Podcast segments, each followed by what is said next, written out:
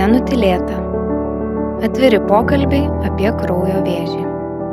Sveiki, jūs klausotės tinklalaidės Nenutilėta. Atviri pokalbiai apie kraujo vėžį. Aš esu Aistė. Šioje tinklalaidėje onkologinę lygą išgyvenę žmonės dalinasi savo patirtimi, emociniais iššūkiais ir gyvenimo pokyčiais gydimo metu ir po jo. Čia išgirsite ir artimųjų pasakojimus apie tai, kaip vėžio diagnozė paveikia jų gyvenimą. Pokalbių su gydytojais, psichologais ir kitais medicinos specialistais, kurie pateiks įvairių patarimų ir informacijos apie kraujo vėžį, gydimo galimybės, mytybą, fizinį aktyvumą, emocinę sveikatą. Tai 15 tinklalaidės nenutilėta epizodas, o jo tema - kūno vaizdas ir jo pokyčiai susirgus onkologinę ligą. Man labai patinka kadaise išgirsta mintis, jog kūnas yra vieninteliai mūsų namai, kuriais privalome rūpintis. Tai buveinė duota mums nuo gimimo iki mirties, tačiau kūnas nėra skirtas tik fiziniam mūsų egzistavimui. Santykis su savo kūnu turi didelį poveikį mūsų gyvenimui ir jo kokybei. Ir čia kalbame ne tik apie išvaizdą, bet ir fizinę bei psichikos sveikatą. Pagal pasaulinės sveikatos organizacijos nustatytus principus, sveikata yra visiškos fizinės, psichinės ir socialinės gerovės būklė, o ne tik lygos ar negalios nebuvimas. Tad net ir pagal šį apibrėžimą suvokiamą kūno vaizdą galime laikyti ir geros sveikatos dalimi. Turbūt sutiksite, jog pozityvus kūno vaizdas arba tiesiog geras santykis su savo kūnu yra svarbus savivertėjai, mytybos pasirinkimui, lygų prevencijai, fiziniam aktyvumui, streso įveikai, sveikatai palankaus elgesio pasirinkimui ir panašiai. Kūno vaizdas yra mintis, jausmai ir elgesys savo kūno atžvilgiu, tai kaip žmogus jaučiasi ir ką galvoja, kai mato savo kūną taip pat kaip jis įsivaizduoja, kad jį mato kiti. Įdomu tai, jog suvokiamas kūno vaizdas nebūtinai apibūdina, kaip tas žmogus atrodo, bet labiau kaip jis jaučiasi ir kaip mato save. Metams bėgant mūsų kūnai keičiasi. Dėl natūralaus augimo, brendimo, senėjimo procesų. Dėl gyvenimo potyrių, pavyzdžiui, paauglystės, neštumo, menopauzės. Tad kinta ir suvokiamas kūno vaizdas. Taip pat kūno vaizdas gali stipriai pasikeisti žmogui susirgus, išgyvenant chronišką skausmą ar tapus neįgaliu. Apie visą tai netrukus plačiau ir pakalbėsime su psichologe Evelina Sabaitytė. Labas Evelina, malonu tave ir vėl matyti studijoje. Sveiki, visada gera čia sugrįžti. Tai ir pradėkime nuo savokos kūno vaizdas. Kaip tu apibrieštum ją, gal norėtum papildyti mano įžangą ar kaip tik paprieštarauti? Tai iš tikrųjų tas teorinis kūno vaizdas, savęs vaizdo suvokimas tikrai labai detaliai buvo aistė jūsų apibrieštas ir kažkaip iš to tokio, na, mokslinio kampo daugiau pridurti ir nebelieka ką. Kažkaip ruoždamasi šitam susitikimui labai norėjau, kad Na ir mūsų tas pokalbis jis būtų mažiau teorinis, o būtų daugiau gyvas ir praktinis apie tai, tai kas man tas mano kūnas, apie ką jis yra. Ir iš tikrųjų dirbant su žmonėmis sirgusiais arba sergančiais onkologinė lyga, kūno tema, jinai tikrai jinai gauna žymiai daugiau spalvų, negu mes kasdienybėje na, susimastom turbūt apie savo kūną. Tai vienos iš grupių metu kažkaip uždaviau tokį klausimą, prašydama žmonių laisvai pasocijuoti, tai yra kažkaip pagauti pirmą galvą šaunančią mintį, tiesiog prašydama užbaigti sakinį, mano kūnas man. Mm, kaip įdomu. Ir kažkaip sąmoningai darau ir pauzę čia tam, kad, na, ir mūdvi galėtume apie tai mm. pagalvoti, galbūt ir žmonės klausantis mūsų leistų savo kažkaip pasocijuoti, pagauti tą pirmą mintį. Ir nežinau, ar kviesti jūs pasidalinti, ar pačiai dalintis, kaip buvo toje grupėje, nes asociacijų buvo visokiausių. Mhm. Nes, pavyzdžiui, man pačiai, nes aš leidžiu savo dalyvaudama grupės irgi būti tokiai spontaniškai, aktyviai, pagalvoti, kas man kyla. Tai tokia, nežinau, mintis apgaulė, gal netgi leisčiau savo pasakyti, atėjo tokia, kad mano kūnas man mano tvirtovė. Mhm. Ir taip tylėdama klausiausi, kuo dalinosi tuo metu grupėje esančios moterys ir supratau, kad velnės meluoju savo. Labai norėčiau, kad mano kūnas man būtų tvirtovė, bet vis tik tai supratau, būdama atvira savo, kad šiai dienai mano kūnas man vergas. Mm. Jisai pakelia daugybę valandų darbo, jisai pakelia um, netinkamą mytybą, jisai pakelia mažą miegą. Žodžiu, visiškai jaučiuosi savo kūną išdavus ir tikrai su žmonėmis, kurie susirga onkologinė lyga, mes turim šitą kampą paliesti, kad mes pamirštam savo kūną, mes juo naudojamės kaip vergu ir pirmoji akistata su lyga ir kelia klausimus, tai ką aš savo ir su savim, pirmiausia, su savo kūnu dariau. Ir tik tai po to mes prieinam prie tokių egzistencinių klausimų, tai o ką aš blogo kaip žmogus padariau. Moraliai, vertybiškai ir, ir visai kaip. Tai nežinau, Aista, kaip jums kokia asociacija pirma buvo? Mano tai turbūt tą, ką ir minėjau, kad tai yra tie namai, e, kurie daugybę kartų griuvo, buvo taisyti, kurie taip pat daug pakelia. Ir aš prie to mm, jausmą irgi turbūt atėjau per patirtis ir jeigu anksčiau vis būdavau ko nors nepatenkinta, tai išmokau dėkoti už tai, kad jis tikrai labai daug ištveria ir vis dar mane nešioja.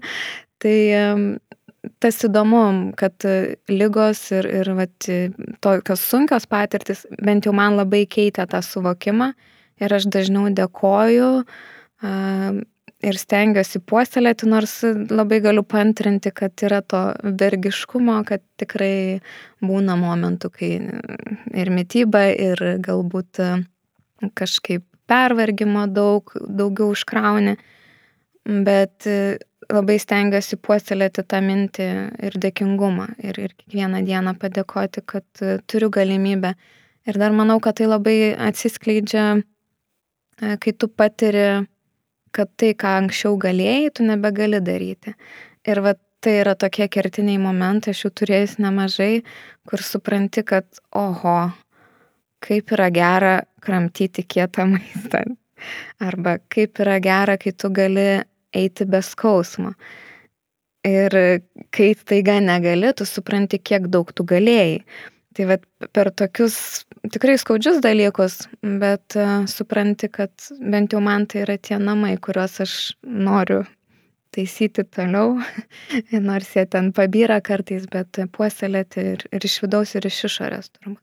Turbūt tai, ką ir norėjau papasakoti, jūs labai gražiai yra atskleidat, kad viena yra mūsų santykių su kūnu iki lygos, kai nesusimastum, kad galim susirgti, nes vis tik tai reikia garsiai kalbėti apie tą egzistuojantį neliečiamumo mitą, kad serga visi aplinkui tik ne aš, aš jau toks geras, toks teisingas, toks kažkoks neliečiamas šitam pasaulyje. Antras etapas atsiranda santykis su savim, su savo kūnu ir su kūno vaizdu gydimo laikotarpiu, nes tikrai fokusas į fizinį kūną būna labai didelis. Kraujo rodikliai ar ne, skausmas, kurį mes patiriam, galų gale operacijos ar ne, kartais organų netekimas, nežinau, pavyzdžiui, krūtų ar ne, vidaus organų, kaulų tam tikrų, mm, galų gale vėlgi tie medicinės intervencijos, kurios kelia kūno vientisumo pažeidimą ir tada trečiasis žingsnelis yra santykis su kūnu polygos, kai kūnas iš tikrųjų pasikeičia. Tai net ir nežinau, ar gražiai perinam per tuos etapus, pasikalbam, nes atrodo, mes kažkaip pradėjom nuo to, kad, nu, koks tas mano kūnas iki lygos, ar ne, toks tarsi labiau vergas, labiau apleistas, toksai savaime suprantamas, o gydimo laikotarpiu tikrai labai labai susifokusuojame tai, kad jis kažkoks sugriuvęs, kažkoks netoks, kokio norėčiau. Labai e, ryški man mintis likus iš pacientų yra ta, kad mano kūnas mane išdavė.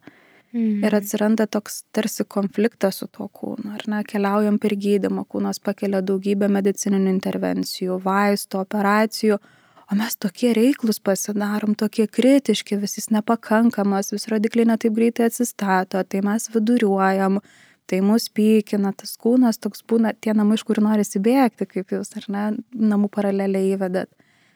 Ir dažniausiai, ką kviečiu pacientus tokiu laikotarpiu daryti, tai pagalvoti apie pasitikėjimą kūnu, kad tai yra jo būdas gydyti šitame laikotarpyje, priimti vaistus, priimti intervencijas, priimti galų gale fizinį patį natūralų gamtos duotą gyjimo procesą, kai yra mažiau jėgų, nes visa energija skiriama gyjimo procesams Na ir tada tas trečiasis etapas, kai išeinam iš ligoninės pasikeitę.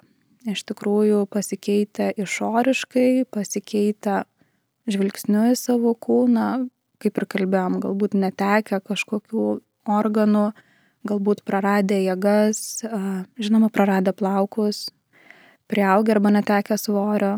Na, ten turbūt atsiveria didysis laukas, kai mes galim savo duoti laiko patyrinėti santykių su kūnu. Ir čia vėlgi, ką girdžiu žmonių, tai didžiulį reiklumą. Ir šiandien atsinešiau vienos moters um, tokią gal terapinę užduotį su savimi. Mes su juo praktikavom Simontono um, meditaciją su vizualizacija, kurios metu kvietėm um, į susitikimą su vidiniu mokytoju. Ir kažkaip tos moters žodžiai, man atrodo, taip gražiai sudeda visą kūniškąją patirtį gydimo laiku. Tai jeigu leisite, aš truputį pacituosiu. Taip, žinoma. Um, tai šita moteris, aš jos paprašiau, kad jie aprašytų tos savo susitikimus, nes sesijose, kai jinai įdalindavosi, man kūnų širpuliukai bėgdavo. Ir kai turiu galimybę, tikrai nešuosi, nes galvoju, kad teorija yra teorija, bet kai pradeda kalbėti gyvi žmonės, kai pradeda kalbėti gyvos istorijos, atrodo, kad parenkami tie žodžiai, kurių nei vienas specialistas nesugalvotų. Tai ši moteris savo istoriją pradeda taip. Kaip ir visiems, susidūrimas su tokia netikėta situacija sukėlė daug naujų išgyvenimų, minčių ir patirčių. Dažniausiai nesijaučiu ligonis, tiesiog tai situacija, kuri nutiko, kad atraščiau ir suvokčiau naujus dalykus. Ypač nustebino neribotos fizinio kūno galimybės atsistatyti Kaip ir anksčiau, taip ir dabar fizinis kūnas įrodė, kaip stipriai pats linkęs veikti. Kartais regis nereikia net pagalbos iš šalies, kuomet aukšta temperatūra sunaikina virusą. Kartais reikia rimtos medicininės pagalbos ir daug kantrybės. Suprantama, sudėtingoje situacijoje kūnas nebus toks, koks buvo, tačiau galimybės gyventi džiaugsmas atveria tam tikrus negalėjimus ir ribotumus. Kartu juos ir atsveria. O gal kaip tik išplečia ribas. Ir ši moteris savo tyrinėjimuose, savo terapijoje iš tikrųjų labai labai daug laiko ir minčių skyrė santykiui su prarastais plaukais, nes tiek, kiek dirbu praktikoje, jaučiu, kad plaukų praradimas yra vienas iš tokių ryškiausių momentų, tarsi patvirtinančių, kad lyga yra, kad, kad ji palėtė, kad ji niekur nedings, nes dar pirmosios chemoterapijos, kai plaukai netaip smarkiai slenka, atrodo lengvesnės emociškai. Ir turbūt e, net ir viešoje erdvėje besidalinančių žymių žmonės, kas seka, stebi, kaip pasikeitė jų reakcija, kaip pradėjo slinkti plaukai, kaip pasikeitė santykis su savim, su savo kūnu ir lyga. Tai ši moteris lygiai taip pat e, truputėlį aprašo ir savo susidūrimą su plaukų netektimi.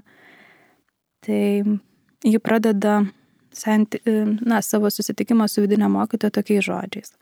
Chemoterapijos metu su plaukų praradimu ateina suvokimas, kad aš tikrai rimtai sergu. Dabar prasidėjo desperatiškos gydimo galimybių paieškos. Nepak nepakeliamas skausmas kyla kiekvieną kartą šiose paieškose, nes niekas neduoda garantijų, niekas nepatvirtina vienos ar kitos alternatyvos veiksmingumo. Vėl lieku prie standartinio gydimo. Juk jau galiu užmėgsti ryšį su intuicija, ieško giliau, dabar eik į gilį, mokytas atnešta žinia man. Moteris sako, kad paprasčiau yra žiemą praradus plaukus būti su kepure. Niekas nekreipia dėmesio, tačiau gydimas užsitęsė, išaušo pavasaris. Dabar pradėjau jausti praeivių reakcijas, žvilgsnius. Pasidarė nejauku. Tai glumina. Mokytoja ateina į susitikimą plasdančią ilgą suknę džiugiai šipsodamas ir užsidėjusi gėlių vainiką ant galvos. Puoškis pirma mintis ateina į galvą. Ir kaip mes norim puoštis, ką dažniausiai moteris pradeda daryti, tai ieškoti perukų. Tai toliau jos istorija yra apie peruko paiešką. Vėl nesėkmingai matavausi perukus. Turėjau polgius plaukus ir trumpų kirpimų perukai visiškai neatspindi mano stiliaus. Sunku priimti save, išvaizdos pokyčius. Atrodo, praradus plaukus, blakstieną, žmonės manęs tiesiog net pažins, nes prarasiu bruožus. Tapsiu kaip ateivis. Šį kartą mokytojų susitikimą ateina plika galva ir nuoga. Tačiau visai ne kaip ateivis, o kaip žmogus. Tiesiog atrodė kaip grina žmogaus esmė, neapipavydalinta. Realybėje žmonės mane atsimena ir atpažįsta.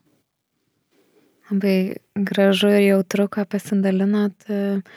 Tai pirma mintis, kur galiu irgi apie tą plaukų netekimą, kur man toks įdomus galbūt momentas iš mano patirties, kad pats tas plaukų slinkimas ir kai reikėjo nusiskust, vertinant visą tą kelionę su lyga nebuvo, sakyčiau, toks sunkus, kaip, kaip nežinau, kiti gal fiziniai negalavimai, bet tas momentas, kai tau nuskuta galva ir tu lieki plika galva, tai tikrai yra tas, kai tu pereini į tą vat, sergančiųjų pusę ir suvoki stipriau. Tai vat, man šitas irgi labai toks įdomus, nes man nebuvo, kad tai būtų, nu, labai skaudu, tarkim, mm, žinau, kai kuriems žmonėms būna sunkiau priema tą pokytį, bet tada būtent atsiranda suvokimas, kad taip, tu sergi, tu tikrai turi tą lygą. Tai vat, daugiau tarsi nėra jokių išorinių pokyčių tavyje, tik ta plika galva, kuri išduoda ir aplinkiniams. Ir kita mintis turbūt apie tą, kaip e, mus mato aplinkiniai, kur irgi galima plėtoti, kodėl tai yra taip svarbu, e, kodėl norisi kitiems slėptis, e, galbūt po kepuriam, po perukais, nors patogiau turbūt plika gal galva pavaikščiot kurį laiką, arba dėl tų net pažįstamų bruožų, bet iš tikrųjų, kai nuslenka blakstieno santakė ir tu lieki toks plikas, net pažįstamas, pilkas net atrodo. Ir čia irgi turbūt apie tą visuomeniai keliamo idealaus kūno standartą galim kalbėti, kur vėlgi, kai tu susiduri su lyga, tai turbūt yra dar sunkiau matyti, nežinau kaip pasakyti, normalius žmonės, kurie su, su visais plaukais, sakykime, ar ne, gražias nuotraukas, nes e, dar ir dabar nedaug kas dalinasi tais sunkesniais momentais, jau pradeda, čia aišku, kiekvieno pasirinkimas, bet vis tik gyvenam ypač socialiniuose tinkluose, tai tokių iškreiptų veidrodžių karalystėje šiek tiek, kur vyrukai raumeningi, moteris lieknos išpuoselėtais plaukais, pasidažysios. Tai vat, tokios mintys kyla, gal kažką Velina atliepsi tai, nes dabar net klausimą nesuformuluoju iš tikrųjų. Iš tikrųjų, tie nuslinkę plaukai, jie tampa tokia nu, labai ryškia žyma, atrodo, su niekuo kitu nesupainosi, kas žmogui vyksta, ką žmogus išgyvena. Ir, na, tikrai pacientai labai dažnai kalba apie artimųjų reakcijas, apie aplinkinių reakcijas ir apie, kaip jūs sako, tuos tikruosius išgyvenimus gal nebe tik liečiant plaukus, bet liečiant fizinį skausmą, svorio netekimą ar prieaugimą. Ir dažniausiai argumentas iš pacientų lūpų yra toks, kad aš vengiu dalintis, nes man tada reikės ne tik savo skausmą pakelti, bet ir aplinkinių skausmą pakelti. Deja, bet mes artimieji, na turbūt vis dar nemokam pakankamai stoiškai, pakankamai atjaučiančiai sureaguoti Ir ta mūsų bejėgystės kupina reakcija, kai mes nieko negalim pakeisti, kai mums skauda už mūsų artimąjį, tikrai jinai priverčia izoliuoti žmonės, kurie išgyvena ir fizinį ir emocinį skausmą lygos metu. Ir kai kūno, pavyzdžiui, ir nekamuoja mm, skausmai dėl medikamentų vartojimo, dažniausiai pacientai pasako, kad lieka tyliai, ramiai vieni, pykdami ant savęs, ant savo kūno, tą pyktį savyje uždarydami, nes jeigu tuo tik pasidalintų su artimaisiais, jiems reiktų na, dar daugiau kentėti. Apie nuskustus plaukus.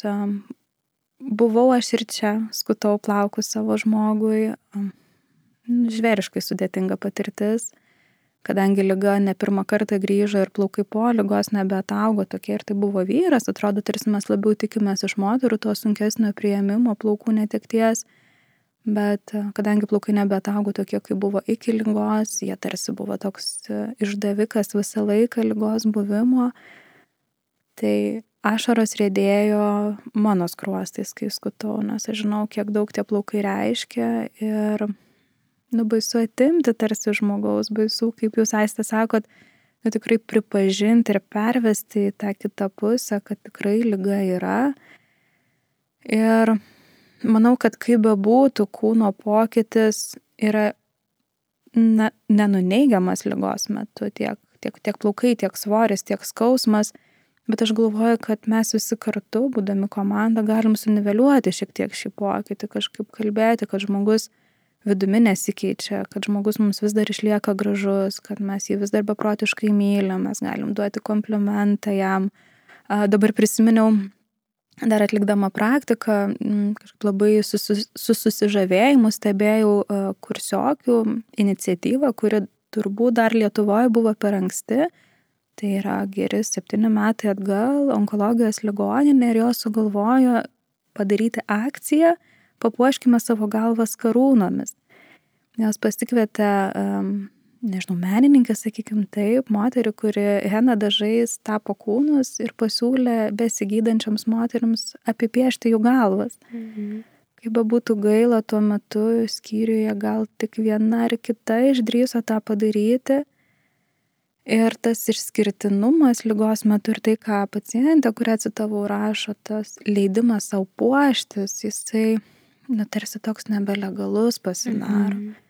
Mes nebegalim nei džiaugtis, ar ne, nei dalyvauti šventėse, nes mes kažkokie pažymėti, mes kažkokie kitokie, mes lyg negalėtume gyventi, kol gydomės ir mūsų kūnas labiausiai tai išduoda. Tai kad su tuo kūnu, na tikrai santyki tenka na, ieškoti naują, kurti naują ir tų kampų, per kur ne tik per išorinę išvaizdą, bet ir per vidinius pokyčius tikrai, tikrai labai daug yra. O kaip tada padėti kurti tą naują santykį, nes e, aš galvoju, čia tiek tiem, kurie susiduria su lyga, tiek artimiesiam, turbūt e, mes linkę sakyti, juk tai tik plaukai atauks.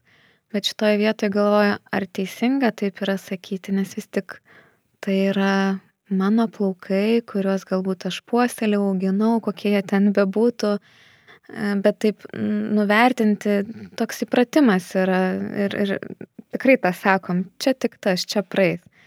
Bet kaip kitaip tada padėti išbūti tame E, čia ne tik apie plaukus, čia gal tik pavyzdys, bet apskritai su tais pokyčiais. Kaip e, padėti atrasti kitokį santyki, kokių galėtų būti būdų. Iš tikrųjų labai tiksliai ir taikliai sakot, kad tas juk tai tik arba tai praeis, na tikrai yra nuvertinimas ir man visada skamba kaip nuvertinimas. Dar viena nuvertinimo frazė yra, kad nu visi tai praeina ir tu praeisi tai kažkokio tokio bandymo sumažinti jausmą turbūt labai labai svarbu išvengti. Aš visada drąsinu pripažinti jausmą, kad nu, tikiu, kad tau skaudu, ar aš tau galiu kažkuo padėti. Tikiu, kad tau na, liūdna, pikta, kad nesijauti patogiai dabartiniam savo kūną, bet aš vis tiek tave labai myliu, ar mes galim kažkaip to kūnu pasirūpinti. Dažnai, pavyzdžiui, moteris kalba apie tai, kad tikrai kūnas, patirdamas tiek adatų dūrių, ar ne, ne vis tiek kiekvieną kartą atvykus chemoterapijai, paimti kraują, įvesti kateterį, sulašinti lašinę. Na, kūnas tokių didelių fizinių nemalonumų patiria. Jos sako, bet gydytojai neleidžia turėti masažų. Kaip ir onkologinės lygos metu kažkokio tokio malonaus pojūčio ar ne, per masažą, sakykime, kūnui nelabai galima ir aš taip patiliukai sakau, bet jeigu tai bus savi masažas, jeigu tai bus daugiau glostimas, o ne giluminis masažas, juk tai niekam nepakenks. Bet kažkaip painicijuoti tokių malonių, galbūt prisilietimų, paglostimų, nežinau, aš tai visada galvoju, kad tas kūno kontaktas su kitu kūnu, ar tai būtų specialistas darantis masažą, ar tai būtų artimasis, kuris paglosto, kuris apkabina, kuris nuramina, aš tikrai manau, kad gali padėti ir kūną besikeičianti priimti ir geriau tame kūne jaustis. Galų gale dabar specialistai, fizinio aktyvumo specialistai kalba apie tai, kad e, yra specialūs fiziniai pratimai, kurie padeda net kraujo rodiklius po chemoterapijos atstatyti. Ir tai tokia, na, man skamba kaip labai nauja, pakankamai, sakykime, naujas rytis, kur Lietuvoje gal gerokai mažiau kalbama, nes atrodo, kad po chemoterapijos nėra jėgų, labai sunku, pykina, silpna, blogas, vaiksta galva, viskas, ko norisi, tai tą kūną padėti į lovą ir nejudėti, bet tikrai specialistai jie pasakoja, kad pirmomis dienomis po chemoterapijos atlikus specialius pratimus kraujo rodikliai kyla greičiau, reikia žymiai mažiau medikamentų atstatančių kraujo nukritusius rodiklius. Tai tikrai tikiu, kad tai ateities perspektyva ir tas, tarkim, sportas ar ne fizinio kūno pajautimas, chemoterapijos metu suvokimas, kad jis dar daug gali, o ne tik gulėti lovoje po chemoterapijos irgi gali paskatinti. Tai drąsinkim artimuosius išeiti pasivaikščioti, geresnėmis dienomis gal kažkiek pasimankštinti ar kartu tai padaryti. Vėlgi tos fizinius prisilietimus. Nekomentuokim nukritusio svorio ir ne, neverskim valgyti, nes tai irgi, na, tokį skatina priešiškumą, kad man lyg ir neskanu, mane pykina, skonio receptoriai yra pasikeitę, o dabar čia mane verčia, tai ką aš anksčiau mėgdavau, dabar lyg ir nebenoriu valgyti ir pats matau, kad svoris krenta ir dar vat, visi kiti užfiksuoja, tai, tai kažkaip mažiau konstatuokim galbūt faktų, daugiau klauskim, daugiau atspindėkim, sakydami, kad ir man labai liūdna matyti, aš tikiu, kad ir tau sunku ir baisu, bet tikrai nevertinkim, kažkaip palikim atvirumo, tas, mes sakom, su atjauta atvertas duris ir leiskim žmogui rinktis, kad jis galėtų daugiau mums pasakyti pats. Mhm. O kaip e, pačiam žmogui e, atverti tas duris į pokyčius lengviau? Labai sudėtingas klausimas. Pirma mintis, kuri šauna į galvą, aišku, turbūt gynybinė mintis, tai yra apie tai, kad pasiruošti tiems pokyčiams, kurie gali nutikti. Na taip, jeigu keliaujant nuo galvos iki kojo, ar ne, pradėjom plaukais, gal, gal nuo jų ir teskim, dažnai su moterim kalbu ypač tom, kurios turėjo ilgesnius plaukus, mes aptarėm iš anksto, ką jos galvoja, ar jos norės nešioti perukus ar nenorės, kaip, koks jų pasirinkimas bus, ar jos dėsis karas ir taip na, net stilingai jas ar ne, mhm. susiriš ant galvos. Mm Jeigu vis tik ateina mintis apie peruką, gal jį pasiruošti iš anksto, pasižiūrėti, ką galima rasti, kaip prisitaikyti, pakeisti šukuoseną. Prieš ruošiantis ar nadėtis peruką, pasitrumpinti plaukus, pasidaryti tai, ko niekada gyvenime mm. savo neleidom, nežinau, nusiskusti ežiuku. Beprotiška kokia. Taip, dažyti melinai. Taip, tikrai pakvailioti ir tokį pareiškimą galbūt ar ne savo gyvenimą padaryti, kad, na, kaip ten sako, kai gyvenimas siunčia citriną ir spauskim iš jos limonadą, tai vat, net ir su plaukais tą pabandyti padaryti. Žinau, kad labai stilingai moteris atrodo įsiverdamos masyvius auskarus prie plikos galvos ir tuo galima pasiruošti. Um, kalbant apie fizinius pojūčius, -hmm. ar ne, pykinimas, viduriavimas, žaizdelės, kurios gali atsirasti. Pasiruoškim prevencinių priemonių, turėkim medikamentus, kurie mažina pykiną, pykinimą, kurie mažina viduriavimą, kurie laisvina galbūt vidurius, jeigu jie užkėtėja. Pasiruoškime įvairių, nežinau, kremukų, tepaliukų, ar ten būtų burno žaizdelės, tai prieš chemoterapiją pavartokim tokių šiek tiek apsauginių priemonių. Tikrai šiandienai tos simptomatikos kylančios gydimo metu prevencijai ir suvaldymui medikamentų ir visokių nemedikamentinių priemonių yra tikrai labai labai daug. Aišku, na, apie tą kūno svorį, ar ne, apie svorio mhm. pasikeitimą. Na, turbūt reikia savo pažadėti, kad aš leisiu kūnui daryti tai, ką jis gali geriausiai, aš jo pasitikėsiu, nes jis tikrai, na, tvarkysis, dirbs labai didelį darbą, kol bus gydimas. Ir dažnai, pavyzdžiui, žmonėms sakau, kad nesitikėkim revoliucijos iškart pasibaigus gydimui, leiskim kūnui atsistatyti, nes kartais tenka skaityti tokių na, žmonių pareiškimų, kad viskas gydimas baigėsi, o aš nebe toks, koks buvau. Mano kūnas nebedaro to, ką darė anksčiau. Ir Laurinaitis čia gražiai sako, nėra kelio atgal mhm. gyvenime, ar ne? Gyvenime kelias yra tik į priekį. Ir taip, jis bus kitoks po lygos, tik tai klausimas, o kokius mes lūkesčius tam gyvenimui turėsim. Kartu specialistai kai kurie rašo, kad atsistatymas po gydimo gali trukti dvigubai tiek, kiek trunka gydimas. Tai ir čia duoti savo laiko, pamatyti savo mažus žingsnelius į priekį, pamatyti, kaip mes stiprėjam. Žinoma, kinesiterapija, ergoterapija, pagalba kūnui stiprėti po gydimo, kai jaučiam, kad galim, irgi yra labai svarbus dalykas. Aišku, mes galbūt čia daugiau kalbam apie kraujo lygas, bet tarkim, ar ne, moteris, kurios netenka krūtų, pasigalvoti, koks bus sprendimas, ar norėsis nešioti protezus, ar vis dėlto norėsis e, su laiku pasidaryti operaciją, gal kažkokie randai atsiranda kūne, kaip su tais randais būti po operacijų, kai kurių, gal kažkas sugalvoja pasidaryti tatuiruotę, kad tą randą paslėptų, na tiesiog mąstyti, kaip tą kūną priimti. Kita vertus, aš esu su viena iš moterų irgi praktikavus tą iš kolegų pasiskolintą praktiką apie karūnomis papuoštas galvas, tai mes randus puošiam. Tiesiog mhm. pasiemėm paprastą tušinuką, ir paišėm ant kūno taip, kad tas randas kažkaip įgytų į vidų, kad jis surastų savo vietą. Galų gale visos e, vaizduotės technikos. Iš tikrųjų pabandyti apauginti tuos randus, galbūt tuos prarastus vidaus organus, ar ne, juos vidumi pakeisti, nežinau, sveikata, kažkokia vidinė stiprybė. Tai manau, kad tokių perkeltinių netiesioginių technikų labiausiai pavyksta ir na, labiausiai reikia kūno pokyčius priimant. Čia norėtųsi pakalbėti apie tą reiklumą savo, ką jūs šiek tiek irgi užsiminėt. Ir kaip žinoti, kur yra ta riba, kai tu duodi laiko, bet nenuini į tą kitą pusę, kur nieko nedarai, bet ir neperspausti savęs, nepervertinti tų galimybių, nežinau, nepradėti ten beprotiškai sportuoti ar mankštintis, kad ir paskui nustepti, kad aš čia tiek darau, o mano kūnas nesikeičia taip, kaip aš noriu. Kaip čia rasti tą teisingą e, santyki ir savo padėti geriausiai, kaip galime.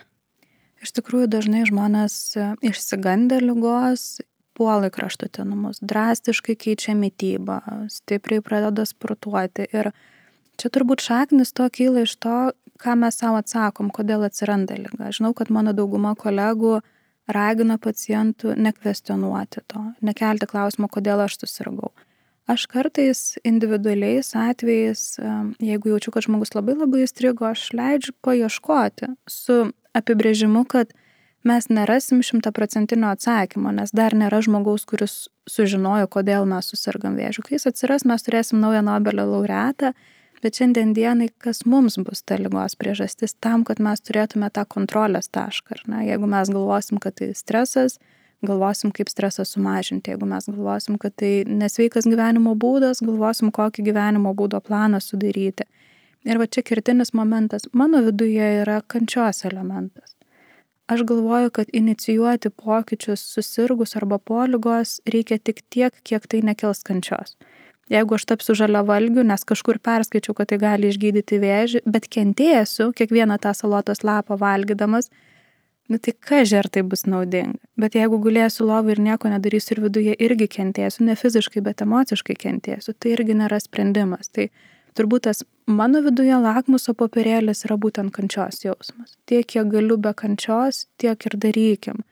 Jeigu šiandien nekentėti yra gulėti, o rytoj nekentėti yra bėgioti, tebūnie, tai gali keistis kiekvieną dieną. Mhm. Ir dar irgi užsiminiai apie turbūt tokį stereotipinį mąstymą dėl vyrų ir moterų, kur aš irgi norėjau apie tai klausti, nes e, tikrai dažnai peršasi tokia išvada, jog moteriams jų išvaizda ir rūpi labiau, jos labiau linkusios yra gražintis, puoštis. Ir, ir turbūt e, taip atrodo, kad sunkiau priema tos pokyčius, bet vis tik iš tos praktinės pusės turbūt, na, nėra taip. Vėlgi iš tos patirties, kiek aš jos turiu šitoje srityje, turbūt reikia pripažinti, kad yra keli aspektai. Viena vertus, moterys yra laisviau komunikuojančios apie tai, ką išgyvena ir labiau kalbančios apie tai, ką jaučia, ko nori, kas, kas vyksta jų viduje. Lyg ir atrodo, kad socialiai vyrams leidžiama būti tarsi labiau apsileidusiems, bet lygos akivaizdoje mes visi žmonės, be lyties, be skirtumų, su tikrai didžiuliu vidiniu išgaščiu, su didžiuliais vidiniais pokyčiais. Ir vis dėlto, kadangi visuomenė reikalauja mūsų mąstyti pozityviai, matyti visame kame gerąją pusę, ar ne, nepamesti to tikėjimo ir vilties, tai žmonės, tiek vyrai, tiek moteris neleidžia kartais savo pasakyti, kaip iš tikrųjų viduje yra sunku ir baisu, pamatyti save besikeičiantį, patirti save bejėgį, kartais negalinti pakelti rankos, kartais negalinti pavalgyti, pačiam kartais negalinti nueiti iki tualeto. Ir vis dėlto, dėl to, kad mes socialiai to nepriimam ir verčia mąstyti pozityviai ir patys matom pozityvą, žmonės lieka tylėti su savo kančia.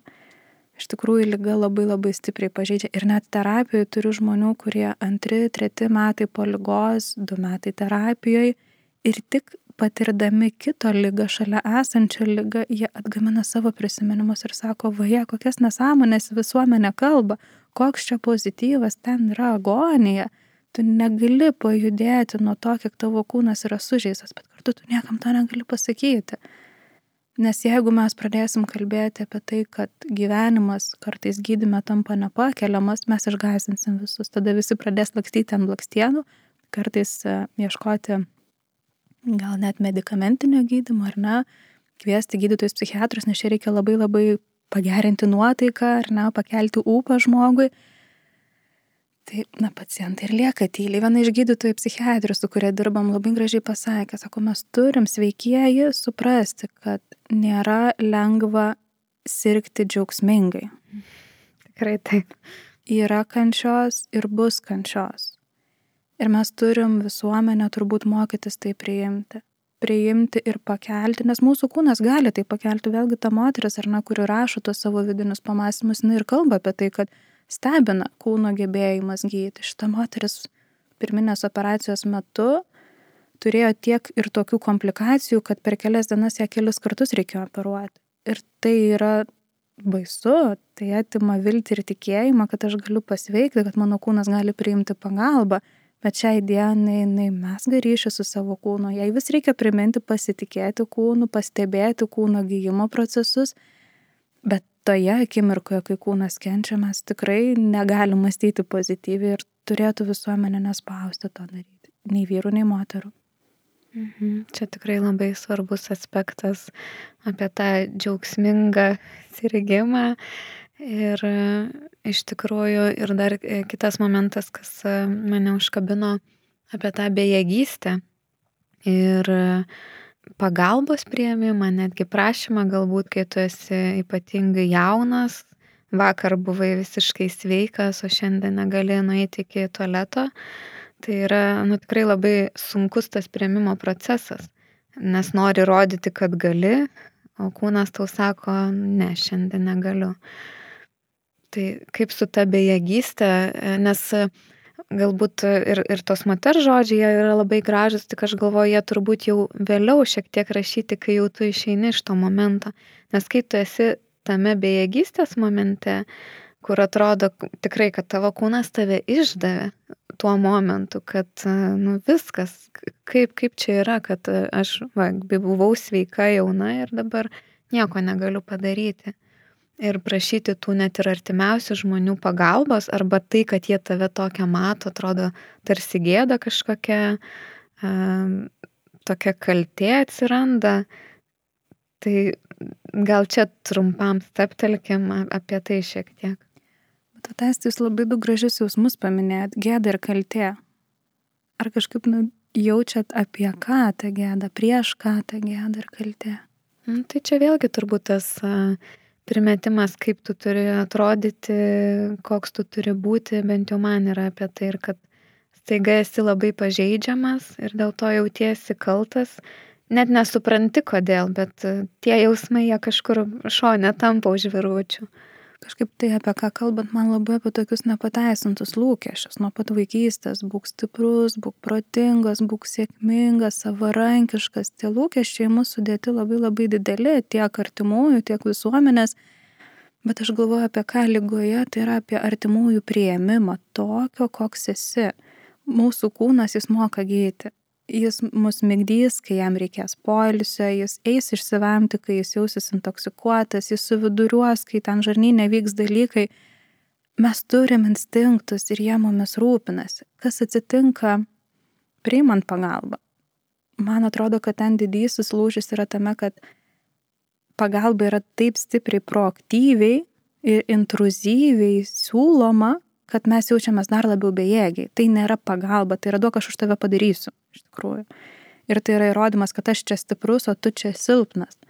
Aš kažkaip galvoju, kad pagalba turėtų ateiti per visišką atvirumą, pasakant, kad žiūrėk, aš numatau, kad tavo kūnas keičiasi. Aš net neįsivaizduoju, kas jame vyksta. Matau, kad tu mėguistas, matau, kad tau silpna, matau, kad tave pykina, bet pasakyk man, papasakok man, kaip aš tau galiu padėti. Nes mano bent jau atrodė svarbiausias momentas, kad aš čia taip, kaip tau reikia. Nedarysiu nieko prieš tavo valią. Aš pasiūlysiu tau valgyti, sakau, atsiprašau, pasiūlysiu antrą kartą, nes man tikrai labai labai rūpi, bet jeigu tu man du kartus pasakysi, kad ne, aš pasitikėsiu, kad kai aš algsiu, tu man pats pasakysi. Mm. Tai lygiai taip pat su bet kokia pagalba. Pasakyti, kad taip, turbūt aš iš bejėgystės darysiu nesąmonės, nes aš net neįsivaizduoju, ką tu išgyveni, bet nu, sustabdyk mane, pamokyk mane ir aš tada žinosiu, kaip šalia tavęs būti. Bet nenugalinkim artimųjų. Sakykim, kad mes juos matom, kad mes juos girdim, kad mes juos mylim, kad mes tvarkome su savo jausmais, bet esam pasiruošę būti taip, kaip jiems reikia. taip, kaip jie nori, taip, kaip sergančiajam reikia. Labai gražiai prisimenu uh, operacijos dieną savo žmogaus. Aš sakau, aš būsiu ligoninė ir lauksiu, kol tave parveš. Sako, tu nejuokauk, operacija bus ilga, mes užtruksim su gydytoju po to po operacinę palatą, kol išeisiu iš narkozės. Na, kam tau tas 4-6 valandas tiesiog trinti koridorių, tu pabūk namie. Sakau, bet man bus neramu, bet sako, žiūrėk, nu man irgi bus neramu ir viskas, ko man reikia, kad tu pasirūpintum savim, kai aš tavim negaliu pasirūpinti.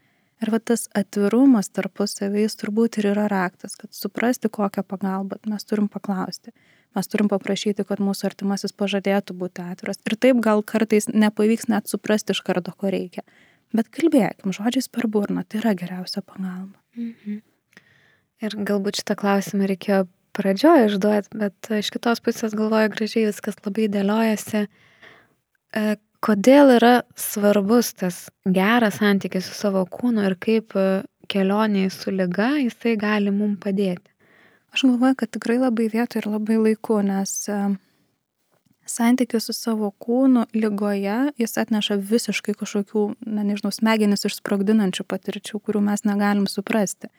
Ir jeigu mes turėtume na, būtume pakankamai atidus savo kūnui, gebėtume iššifruoti jo siunčiamus signalus, galėtume juos perprasti, ar bent jau mokėtume sustoti ir pamastyti, aha, aš čia kažką jaučiu, ką tai gali reikšti, ko mano kūnas gali norėti, ko jis gali prašyti, tai leistų ir lygoje, užplūstant milijonams naujų fizinių potyrių, nu kažkaip būti tokiais atvirais ir kūrybiškais A pastebėti, B neignoruoti, C, nu kažkaip pasiimti ir svarstyti, o tai kas galėtų padėti ir būti drąsiems bandyti, žinant, kad kažkas vis tiek suveiks, kažkas vis tiek padės.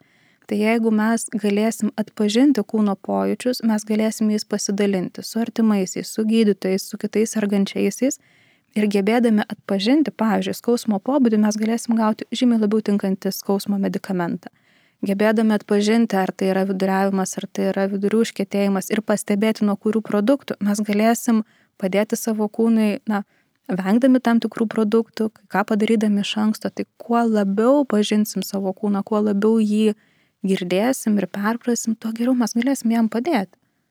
Tai lygiai taip pat kaip ragaujam patiekalą, mes jaučiam, kad jame trūksta druskos ir dedam druskos, bet jeigu mes dėtume cukraus tuo atveju, tai turbūt nieko gero nebūtų. Tai turbūt lygiai taip pat ir su mūsų kūnu, kai kai jis keičiasi ir jeigu mes galim apibūdinti tą pokytį, mes galim ir patys jam geresnę pagalbą suteikti ir iš aplinkos sulaukti geresnės pagalbos. Ir tuomet mano paskutinis klausimas, bet dar pabaigai vis tiek prašysiu pasidalinti galbūt dar kažko, bet e, klausimą dar užduosiu apie tai, kaip e, išmokti dėkoti savo kūnui už tai, kad jis yra toks, koks yra šiai dienai bet e, tikrai nežinau, ar vakare, ar ryte padėkoti už tas galimybės, kurias jis mums duoda, nes jos tikrai yra didelės. Atrodo toks labai labai gilus klausimas, bet galvoju, pirma mintis, kuri ateina į galvą, tai lygiai taip pat e, nesusifokusuoti tik į lygą kūnę. Negalvoti, kad yra kažkokia generalizuota, globali, viską apimanti, nes gydimo laikotarpiu tikrai didelis fokusas į simptomus, į lygos rodiklius, į galbūt navikų dydį. Tai esu irgi tokią praktiką siūlusi, siūliusi žmonėms, tiems, kurie turi kūną navikų, kurių kūne yra auglių ir jie yra, tarkim, na, labai aiškiai apibriešti kompiuterinės tomografijos ar PET tyrimo metu. Tai aš siūlau išsitraukti tą lapą ir išsidėlioti tiek daiktų, kiek ir tokio dydžio daiktų, kiek yra kūne navikų ir pasidėti tai ant delno. Tai dažniausiai tilps viena mūsų delne ir tada pasižiūrėti, o kiek sveikatos kūne yra yra ten tie 3, 5, 15, nesvarbu kiek tų navikų, bet jie niekada nebus didesni už mus. Jie niekada nebus didesni už mūsų visą kūno sveikatą ir vis savo tą priminti, kad taip, mano kūnas susirgo, bet jis kovoja. Gydimas yra taikomas, jis tą gydimą pakelia, priima.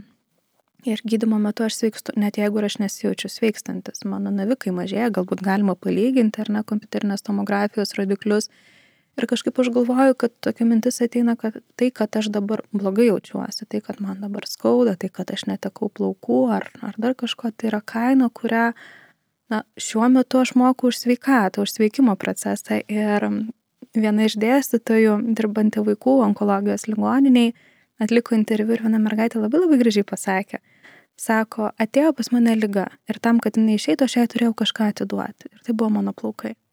Mm. Tikrai. Tai tų įprasminimo minčių mes tikrai galim labai labai daug rasti. Ir kiekvienam įprasminimas bus skirtingas, bet matyti, kad tas pokytis, kuris vyksta, jis yra prasmingas, manau, yra viena iš svarbiausių užduočių. Kad tebūnė tai yra kaina, tebūnė, kad dabar visa kūno energija, kurios man trūksta, yra susitelkusi į naviko naikinimą. Esu girdėjęs vaikų ligoniniai, kad va, tie lašeliai kaip maži kareivėliai laša į mūsų kūną ir ten vyksta didžiulis mūšis, ar ne, kad tą lygą sunaikintų dėl to visa kita yra laikinai apleidžiama. Ir gal va, ta mintis apie laikiną apleidimą kūno jėgų, kūno grožio galbūt, ar nežinau, kūno sveikatos, tokią, kokią mes ją jaučiam, yra tam, kad būtų laimėtas mūšis ir jam pasibaigus mes po truputį sugrįšim. Matyti plačiau tuomet, ar ne? Mm. Ar dar yra kažkas, kuo norėtum pasidalinti šioje temoje apie kūno vaizdą ir jo pokyčius susirgus onkologinę ligą? Iš tikrųjų, na, norisi turbūt dėti akcentus, ar ne, kas keičiasi sergant. Tai be abejo, plaukai, svoris, um, įvairūs berimai, prarasti organai, tema, kurios nepalėtam, vaisingumas. Ar ne, tai dalykai, kuriuos verta atkreipti dėmesį ir pabandyti galbūt susidėlioti tiek, kiek įmanoma planą į ateitį, kaip aš su tuo būsiu, kaip aš savo su tuo padėsiu, kokius aš lūkesčius savo šitoj temai kelsiu ir be abejo pasikalbėti su artimaisiais, nebijoti puoštis, nebijoti gyventi gyvenimo, nes vis tik tai dažnai tenka priminti žmonėm, kad gydimo metu kūnas dirba žvėriškai didelį darbą ir mes jį turim palaikyti Nes geriausiai auga palaikomi vaikai, o ne baudžiami ir nuolatos kritikuojami vaikai. Ačiū Velina už tokį vertingą pokalbį, visada labai įdomu su tim kalbėtis. Ačiū visiems, kurie klausėtės šio epizodo. Grįžtant prie pradžioje išsakytos minties, jo kūnas yra mūsų namai, kurie turėtų būti pirmiausia mums patogus, tuomet stiprus, e, turėtų padėti jaustis gyvai, suteikti laisvę judėti. Mūsų kūnas duotas e, mums vienintelis toks ir dėja negalime jo pasiskolinti iš kitų, susidėvėjusio gražinti ir įsigyti naujo. O išgyvenant onkologinę lygą, tam kūnui tikrai tenka patirti labai daug. Tad e, manau yra svarbu priimti savo kūną tokį, koks jis yra vertinti jo suteikiamas galimybės ir dažniau padėkoti.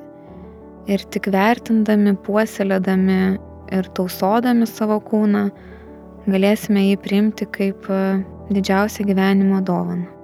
Jeigu šis pokalbis jums pasirodė įdomus, pasidalinkite juos su kitais savo socialiniuose tinkluose O tinklalaidę nenutilėtai gyvendina asociacija Kraujas, kuri vienyje kraujo lygomis sergančius ar sirgusius asmenis, jų artimuosius, medicinos specialistus ir kitus žmonės palaikančius e, asociacijos veiklą. Daugiau informacijos tiek apie asociacijos kraujas veiklą, tiek apie tinklalaidę ir visus jos epizodus visuomet galite rasti interneto puslapyje www.kraujas.lt arba mūsų Facebook paskyroje. Iki kito karto.